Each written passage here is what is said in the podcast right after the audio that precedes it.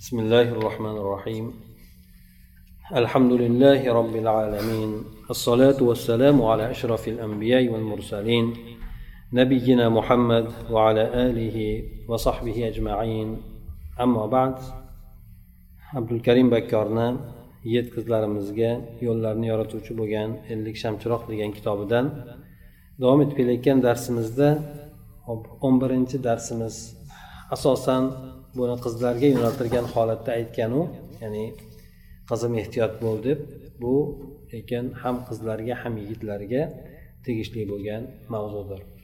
Xosatan mana oxirgi paytlarda insonlar o'rtasidagi aloqa vositalarini kuchayib ketganligi sababli yana bo'lib ham e, maxfiy suratda yoki maxfiy tarzda judayam ko'plab inson aloqalarini tiklashligi mumkin bo'lganligi uchun demak ancha muncha odamlarda mana shu chatlarga bo'lsin yoki facebook bo'lsin yoki boshqalar bo'lsin shu narsalarga ko'p kirishlik oqibatida u yerda harom narsalarni ko'p sodir bo'lganligi hattoki musulmonlarni o'rtasida ham bu narsalar keng yoyilib ketganligini guvohi bo'lamiz.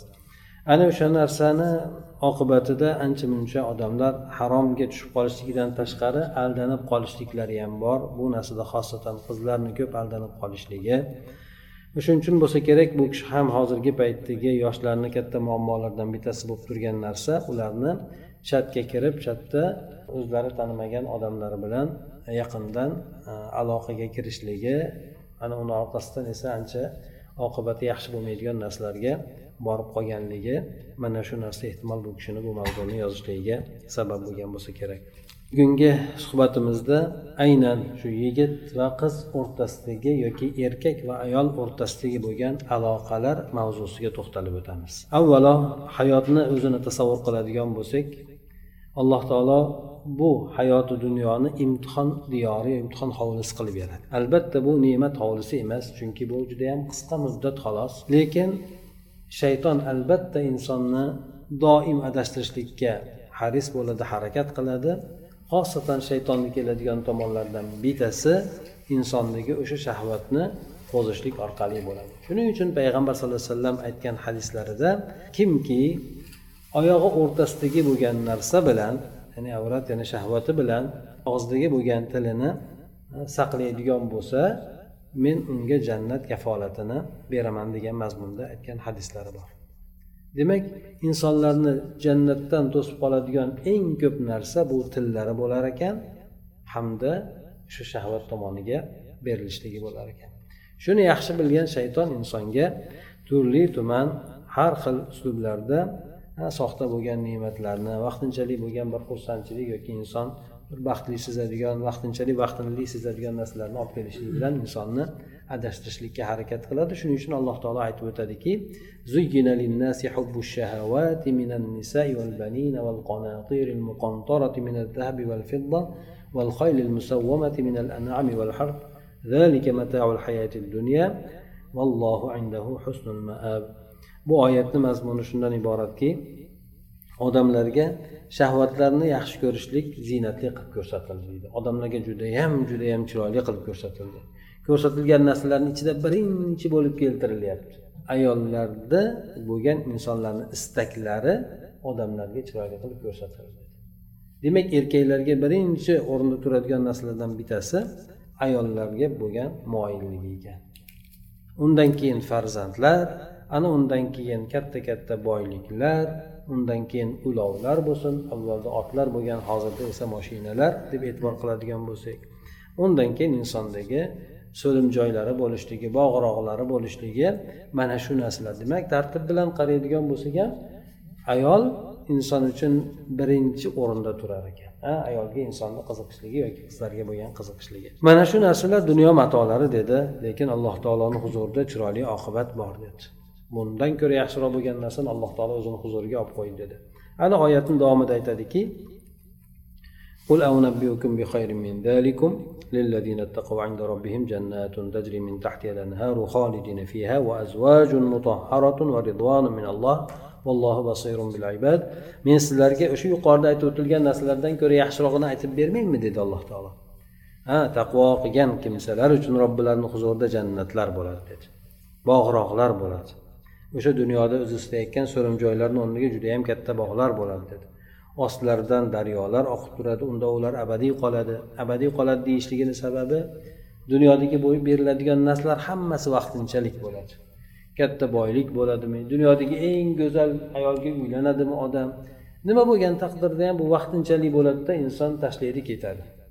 Ha lekin alloh taoloni huzuridagi bo'lgan narsa boqiy qolar ekan. Unda alloh taolo aytdiki birinchi jannat judayam insonni so'lim joylari bo'ladida unda bir emas ikki emas judayam ko'plab bo'lgan pokiza bo'lgan ayollari bo'ladi dedi dunyodagi vaqtinchalik bo'lgan narsalarga nisbatan alloh taolo oxiratda judayam ko'plab insonlarga pokiza bo'lgan ayollarni berishligini aytib o'tdi.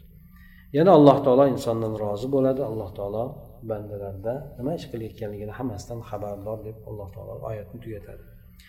Ana o'shandek alloh taolo biz uchun bu oyatda shu narsani o'rgatyaptiki ta'lim beryaptiki demak inson uchun mana bu qisqa bo'lgan vaqti uchun eng qimmatbaho bo'lgan narsasi dunyo uchun sarflamasdan balki oxirat uchun inson sarf qilishligini oxiratni asosiy inson g'ami qilishligini bu yerda aytib o'tyapti. Yana undan tashqari hadis sharifda ham keladi qaysi bir inson olloh uchun bir harom narsani tark qiladigan bo'lsa olloh uchun bir inson harom bo'lgan narsani tark qiladigan bo'lsa alloh taolo uni evazidan unga undan ko'ra yaxshiroq bo'ladigan qalbi xotirjamroq bo'ladigan narsani evaz qilib beradi deydi. Ya'ni inson aytaylik o'sha yuqorida aytib o'tgan ayollarni deb aytildiku ha ayollar halol tomondan bo'lsin halol bo'lmagan tomondan bo'lsin insonlar qiziqadigan narsa bu narsa.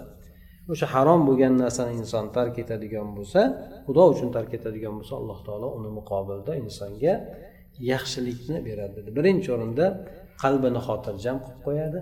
Qalbini xotirjam qilib qo'yadi o'sha narsadan keyin.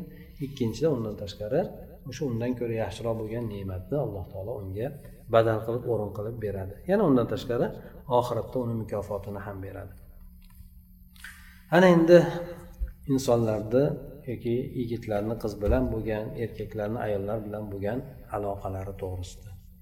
Bu aloqalar asosan insonda ya'ni erkaklarni ayollar bilan qizlarni yigitlar bilan bo'lgan aloqalari uch turlidan iborat deb aytishadi. Uch holatdan iborat deb aytishadi. Birinchisi erkak bo'lsin ayol bo'lsin bular ish yuzasidan yoki o'qish yuzasidan ba'zan ayollar bilan muloqot qilishlikka ular bilan bir o'tirishlikka yoki bo'lmasa aytaylik munoqasha qilishlikka ba'zi narsalarni birgalikda ko'rishlikka inson ro'para bo'lishligi mumkin.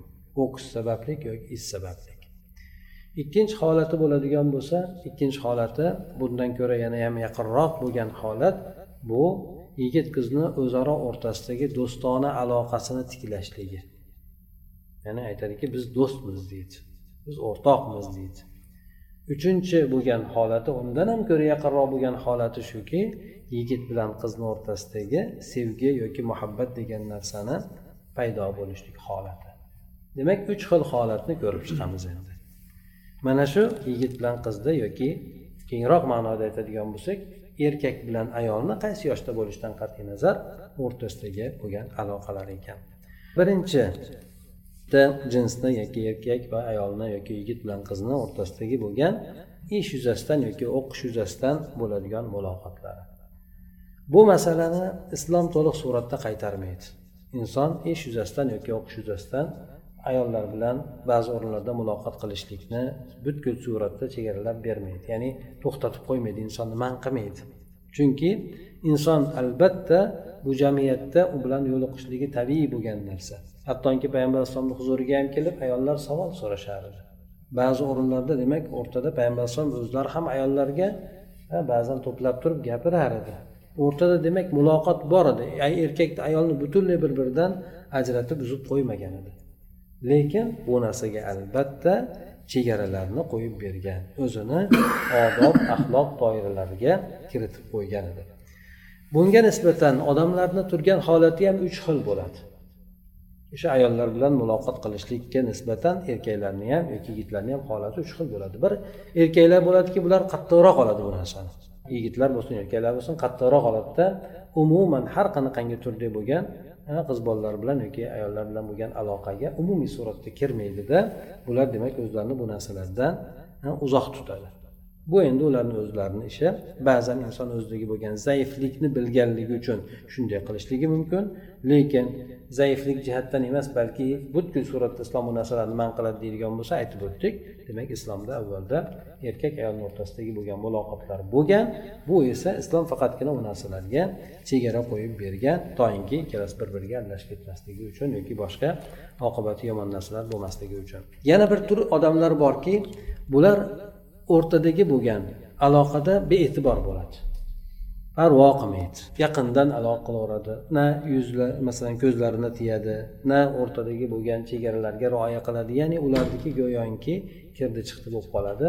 Bunday bo'lgan holatda bu narsa ko'proq musulmonlarni g'arb bilan bo'lgan aloqasi yoki ularni musulmon diyoriga kelib har xil fikriy kurashlarni qilganligi oqibatida yoki yigit qizlarni g'arbga taqlid qilganligini oqibatida bu narsalar biz yurtlarimizga ham boshqa islomiy yurtlarga ham bu narsalar juda yam katta ta'sirini o'tkazdi. Demak uchinchi bir holat bor bu yerda mo'tadil bo'lgan holat bor. Mo'tadil bo'lgan holat shuki yigit o'sha yoki erkak kishi ayollar bilan yoki qizlar bilan ish o'qish yuzasidan muloqotlarga kirish lekin bu narsalarda albatta chegaraga rioya qiladi. Chegaraga rioya qiladi. Endi bu yerda albatta islom bu narsa uchun bir qancha chegaralarni qo'yib bergan. Albatta o'shandan inson o'sha chegaralarga rioya qilishlik kerak doimki shariat doirasida qolishlik uchun. Bulardan birinchisi ikkala tomon ham yigit ham qiz ham ikkala tomonga ham shariat yoki alloh taolo ko'zlarini qo'yib qilishlikni buyuradi. Ikkala tomonga ham nimaga? Chunki aytib o'tganimizdek shaytonni kiradigan eng insonga zaif bo'lgan tomoni insonni zaif bo'lgan tomoni shu ko'proq shahvat tomonidan kiradi. Yana payg'ambar alayhisalomda hadislarda ham bor inson erkaklarga o'zimdan keyin eng qattiq bo'lgan fitnalardan bittasi ayollarni fitnasi bo'ladi. Bani isroilni fitnasi asosan buzilib ketishligini sababi ayollar bo'lgan deb aytib o'tadi. Ana o'sha jihatdan demak alloh taolo ikkala tomonga ham yigitlarga ham qizlarga ham o'tadiki alloh taolo oyatda ya'ni mo'minlarga ayting ular ko'zlarini quyuq qilsinlar. Xuddi shuningdek ya'ni ayollarga ham ayting qizlarga ham aytingki ular ko'zlarini quyi qilsinlar avratlarini saqlasinlar ya'ni ko'zni quyi qilmaslikni avratni buzilishligiga olib borishligi shu oyatdan ham tushunsak bo'ladi. Ko'zini quyi qilmasligi demak keyingi tomonga o'tib ketishlikka olib borishligi ya'ni yaxshi bo'lmagan tomonga olib o'tib ketishligini bu yerdan tushunishligimiz mumkin bo'ladi. Ikkinchisi esa albatta ayol kishini hijobga buyuradi shariat. Nima uchun hijobga buyuradi? Chunki ayolni turishligi fitna bo'ladi. Kiyinishligi yurishligi turishligi hamma tomoni ayolni erkak kishiga juda yam katta ta'sir qiladigan tomoni bor. Shuning uchun ayol kishilarni satr avrat qilishlik ya'ni qattiqroq bo'lgan holatda satr avrat qilishlikka buyuradi. Erkaklarni ham buyuradi satr navrat qilishlikka lekin ayollarnikiga qattiqroq buyuriladi. Sababi aytib o'tdik ayollar bilan fitnalanishlik ko'p bo'lganligi uchun. Erkaklar bilan fitnalanishlik ozroq lekin ayollar bilan fitnalanishlik ko'p bo'lganligi uchun. Albatta ularni kengroq bo'lgan suratda o'sha kiyimni kattaroq kiyishlikka tor kiymaslik yoki avratlarni ochib kiymaslik yoki ochiqchacha bo'lmaslik mana shu narsalarga qattiq ahamiyat beriladi shariatda. Undan tashqari ayol kishini hamma holatlarda ko'chada bo'lsin xosatan o'qishda ishda bo'lsin axloq doirasini mahkam tutishlikka buyuradi. Ho odamlarga gapirayotganda bo'lsin. Gapirayotganda ayol kishini e, ovozini ingichka qilmaslikka yoki noz bilan gapirmaslikka shariat demak qattiq ahamiyat beradi. O'shanday qilishligidan ya'ni e, nozlanib gapirishligidan yoki bo'lmasa aytaylik e, ovozlarini ingichka boshqa qilib birovni jalb qiladigan suratda gapirishlikdan ayol kishini qaytaradi. Hattoki yurishlikdagi bo'lgan suratida ya'ni ayollarni hatto yurayotganda ham o'zini yurayotganligini ayol ekanligini bildirib qo'yib yurishligidan qaytariladi. Ular oldingilar oyoqlariga halqalar boshqa narsalar taqib olib yurishganda shu bilan ayol kelayotganligini inson bilgan. Hattoki ayollarda masalan yuradigan bo'lsa ham taqtuq taqtuq qilib oyoq nima qiladiku shu ham erkakni jalb qiladigan suratda bo'ladi.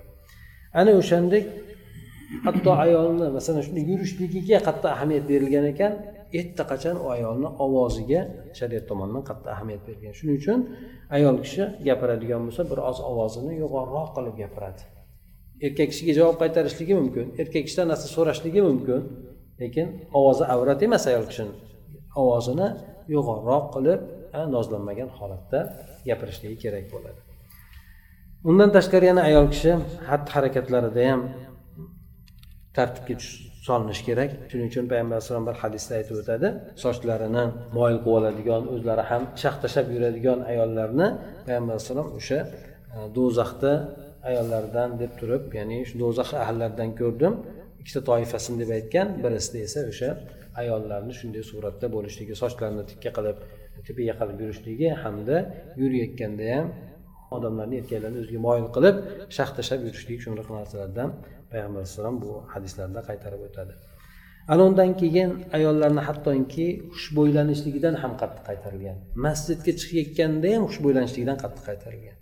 Shundan hadisda shu mazmunda keladiki bir ayol kishi xushbo'ylanadigan bo'lsa hamda o'sha xushbo'ylanib bir erkaklar jamoasini orasidan o'tib ketadigan bo'lsa u ayol falondaqa degan. Falondaqa ya'ni zoniya degan. O'shanday o'tib ketishligini o'zi deyiladi. Nimaga? Chunki fitnani oldini olishlik uchun qattiq qaraladi ayol kishini shunday suratda chiqishligi fitnaga sabab bo'lishligidan payg'ambar alayhisalom bu o'rinda ham ayol kishini qaytaradi. Yana undan tashqari erkak ayol xoli bo'lishligini qattiq qaytariladi. Erkak bilan ayolni xoli qolishligini nimaga? Chunki shayton ularni uchinchisi bo'ladi deb keladi. Inson masalan avvalda niyati yomon bo'lmasligi mumkin yaxshi niyat bilan o'tirishi mumkin lekin oraga hech qancha vaqt o'tmasdan shayton suqilib kirishligi bo'ladida vasvasa orqali demak uni ham buni ham ikkalasini ham hayolni buzishlikka demak undan keyin oqibatlarni yomonroq suratga olib borishlikka shayton qattiq harakat qilib qoladi. Yana ayol kishini erkaklar bilan ko'rishadigan uchrashadigan holatlari ya'ni hojat taqozo etadigan doirada bo'lishi kerak.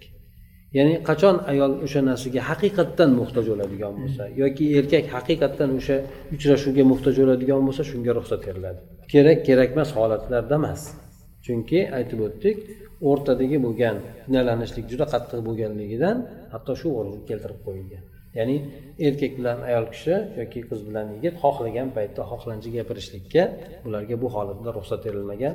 Hojat taqozo qiladigan o'rindagina faqat o'sha aytib o'tgan doirada shariat ularga gaplashishlikka yoki e, ba'zan suhbatlar o'tkazishlikka ularga ruxsat beradi. Demak bu birinchisi erkak ayolni yoki yigit qizni ish yoki o'qish shunga o'xshagan narsalarga nisbatan o'rtadagi bo'lgan muomalasi yoki bo'lmasa o'rtadagi bo'lgan aloqasi bunda qanday narsalarga inson rioya qilishligi kerakligi to'g'risida ham aytib o'tdik.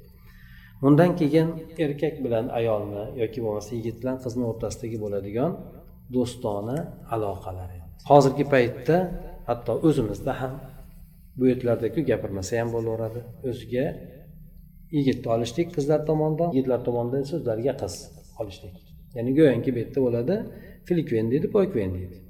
O'sha narsani bo'lishligi agar u narsa go'yoki bo'lmaydigan bo'lsa inson ancha bir nuqsonlik yoki inson haligi odamgarchiligi yo'q yoki odam emaslar e'tiborida qarashadigan bo'lib qolgan hattoki o'zimizda ham keyin qarasangiz u yigit bu qiz bilan gaplashgan. Qiz bilan emas bir necha qiz bilan gaplashgan. U qiz ham bir yigit bilan bir necha yigitlar bilan gaplashadigan bo'lib qolgan. Avval telefon orqali bo'lardi hozir endi telefondan ko'ra kengroq bo'lgan narsalar ham ochilib ketdi. Bu bilan telefonda inson ushalib tutilib qolishligi mumkin. Hozir esa ushalmaydigan tutilmaydigan judayam ko'plab aloqa vositalari ko'payib ketdi. Bularni hammasi aytib o'tganimizdek shu yigitlarni qizlarni buzishlik uchun birinchi o'rinda odam islomdagi musulmonlardagi axloqlarni buzishlik uchun juda yam qattiq kurash hisoblanadi. Shuning uchun aytishadiki bir xalqni agar buzmoqchi bo'ladigan bo'lsa o'sha xalqni axloqini buzishligini o'zi yetadi deydi.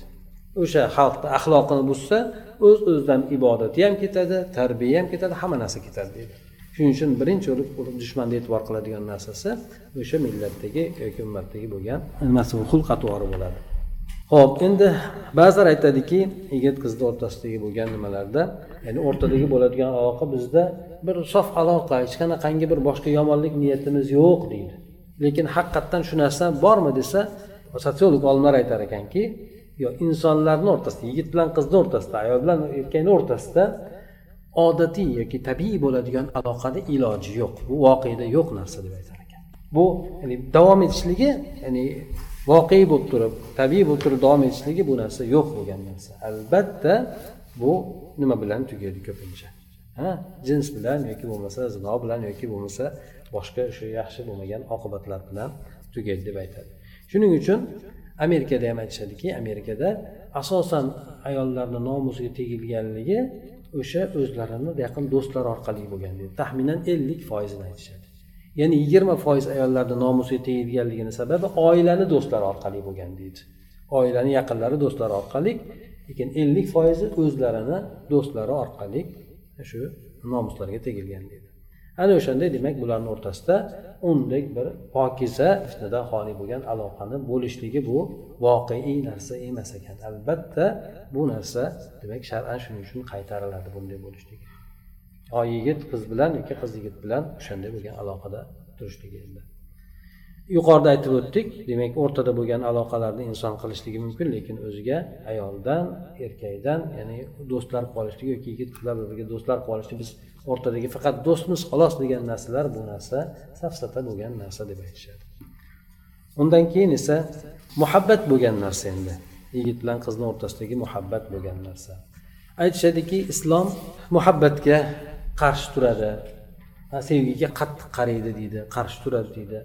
Yo'q islom hamma muhabbat turlariga qarshi masalan insonni muhabbatlari ko'p turlar allohga bo'lgan muhabbati bor ota onasiga bo'lgan muhabbat o'zini yaqinlariga bo'lgan muhabbat insonlarda bor. Lekin sevgi ishq borasida bo'ladigan bo'lsa bu ham islomda hammasi qaytarilgan emas. Masalan insonni o'ziga nisbatan bo'lgan muhabbati bor bo'lgan narsa. Hattoki islomga nisbatan aytilganda ham aytiladiki sizga odamlar ichida eng suyukli bo'lgani eng sevgan odamingiz kim deganda oysha degan. Oysha onamiz bilan jinday o'rtasida gap bo'lgan paytida oysha onamiz so'ragan paytlarida hadicha onamizga g'ayrat kelib qolgan paytida payg'ambar alayhisalom aytganlar demak hadicha onamizni o'sha sevgisi yoki muhabbati bilan men rizqlanganman deb payg'ambar alayhissalom hadicha onamizni ham juda qattiq yaxshi ko'rganligini aytgan. Bu inson bu narsadan hech qanaqangi hayo qiladigan boshqa qiladigan narsa emas. Lekin qaytarilgan narsa noraso bo'lgan to'g'ri bo'lmagan yigit bilan qizni o'rtasidagi bo'lgan aloqa sevgi aloqasi bo'lsin. Mana shu narsalar qattiq qaytariladi. Nimaga? Chunki bu narsa asosan yaxshi bo'lmagan muqaddimalardan kelib chiqadi deydi. Mana aytishadiki mast qiluvchi ichimlik. Mast qiluvchi ichimlik qachon mast qiladi? U mast qilishligi uni inson ya'ni ixtiyorda emas mast qilishligi lekin uni ichishlik esa insonni ixtiyorida bo'ladi. Xuddi shunday yigit qizni o'rtasida bo'lgan shu muhabbat paydo bo'lishiga ham insonni ixtiyorida bo'ladi. U bo'lgandan keyin insonni qalbiga tushib qoladigan bo'lsa qalbiga tushgan muhabbat insonda ixtiyoriy bo'lmaydi. Insonni qo'lida bo'lmaydi balki alloh taoloni qo'lida bo'ladi. O'shaning uchun bu yerda insonni muqaddimalardan qaytarilgan ya'ni shuning uchun aytib o'tdik begona qizlarga qaramaslik ko'zni quyi qilishlik ular bilan gaplashmaslik ular bilan xoli qolmaslik qizlarga ham o'zini hashamatli bo'lishligi o'zini shu fitnalantiradigan darajada ko'chaga chiqmasligi gapirmaslik bu narsalarni hammasi o'sha yigit bilan qizni o'rtasida noraso bo'ladigan to'g'ri bo'lmagan muhabbatni paydo bo'lib qolishini oldini olishlikka ham qaratilgan. Endi aytaylik bir yigit bir qizni sevib qoldi deylik. Doim ham mana shu sevgi haqiqiy bir sevgiga aylanadimi? Yoki bo'lmasa yigitni sevgiga qarashi qanday bo'ladi? Yoki qizni sevgiga qarashi qanday bo'ladi? Ko'proq yigitlarni sevgiga qarashligi go'yoki o'sha qizdan bir foydalanish vositasida ya'ni shunchaki bir ovunchoq sifatida ko'pincha qaraladi. Ana o'shandan sevib sevib turib bir gaplashib gaplashib turib tashlab ketiladi bu holatlar judayam judayam ko'p kuzatiladi. Ayollar bu sevgiga shunchaki ovunchoq bo'lishlik uchun emas balki oila qurishlik maqsadida qaraydi. Demak ikkalasini nazari ko'pincha ikki xil bo'lib qoladi. Yigit shunchaki ovunchoq maqsadda qaraydigan bo'lsa qiz esa oila qurishlik maqsadida qaraydi. Demak bu yerda ko'pincha erkaklarni yoki yigitlarni tashlab ketishligi bilan nihoyasiga yetadi. Nima uchun qizlarimiz bunday qilgan holatga tushib qoladi? Buni ba'zi sabablarini keltirib o'tishgan ekan. Ya'ni oilalarda qizlarga nisbatan mehrni kam ekanligi.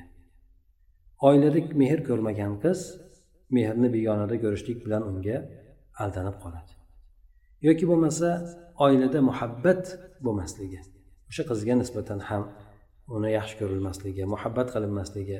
Shuning uchun u e, o'sha muhabbatni boshqa begona yigitni og'zidan eshitishligi bilan juda bir soddalik bilan aldanib qolishligi. Yana undan tashqari yoshi o'tib ketib qolayotganligini ro'ka chiqib turib ko'pincha o'shanday bo'lgan noshariy bo'lgan aloqalarga kiradida chatda bo'lsin yoki facebookda boshqalarda bo'lsin o'ziga kuyov istashlikka yigit o'sha oila turmush ko'radigan odam istashlikka harakat qilib qoladi. Lekin bu ham ko'pincha o'z samarasini bermaydi ko'p o'rinlarda e, ayol kishi e, o'zini maqsadiga erisholmaydi shuning uchun bilish kerakki bu muhabbat ham oila turmush ham alloh taolo taqdir qiladigan narsadir. Ayol kishi ya'ni qiz bola agar uyda o'tiradigan bo'lsa ham alloh taolo taqdir qilgani albatta ayolni topib keladi. Bu o'rinda yana yigit bir qizni sevadigan bo'lsa keyin o'sha sevgisini boshqa bir qizga uylanishlik bilan qondirishligi mumkin. Lekin ayol kishi qiz bola bir yigitni sevadigan bo'lsa uni birontaga ochiq aytolmaydi. Unga sovchi qo'yolmaydi. O'zi keladigan sovchini kutib turishligidan boshqa iloji qolmaydi. Shuning uchun bunday bo'lgan aloqalarga e'tibor qilmasdan balki ayol kishi yoki qizlar o'zlarini o'sha alloh taolo taqdir qilgan kimsani kelishligini kutib turishligi yoki haqiqatdan shunday kimsa bo'ladigan bo'lsa sovchi qo'yishlik orqali yoki har bir narsaga o'zini eshigidan kirilganidek o'sha shar'iy bo'lgan yo'llarni qo'llashlik orqali e, o'sha muhabbatiga yoki bo'lmasa oila qurishligiga erishadigan bo'lsa ayni mana shu narsa demak alloh taolo tomonidan ham barakot beriladi ham alloh taolo tomonidan yaxshi ishlarga yaxshiliklarga muvaffaq qilinadigan bir oila bo'lib qoladi. Mana shu narsa demak bugungi suhbatimizni mavzusi edi. Baxt saodat ham muhabbat ham alloh taolo tomonidan beriladigan narsa. Allohdan yaxshiligini so'raydigan bo'lsa alloh taolo ularni yaxshiliklarga muvaffaq qiladi. Hozirgi paytda bundek aloqa vositalari judayam ko'payib ketganligidan bunda qatnashayotganlar hammasi ham sof bo'lgan niyatda qatnashmaydi sof bo'lgan niyatda kirmaydi. Shuning uchun o'shanday kimsalarga aldanib qolishinglardan qizlarimizga ehtiyot bo'linglar deb aytamiz سبحانك اللهم وبحمدك نشهد أن لا إله إلا أنت نستغفرك ونتوب إليك اللهم انفعنا بما علمتنا وعلمنا ما ينفعنا وزدنا علما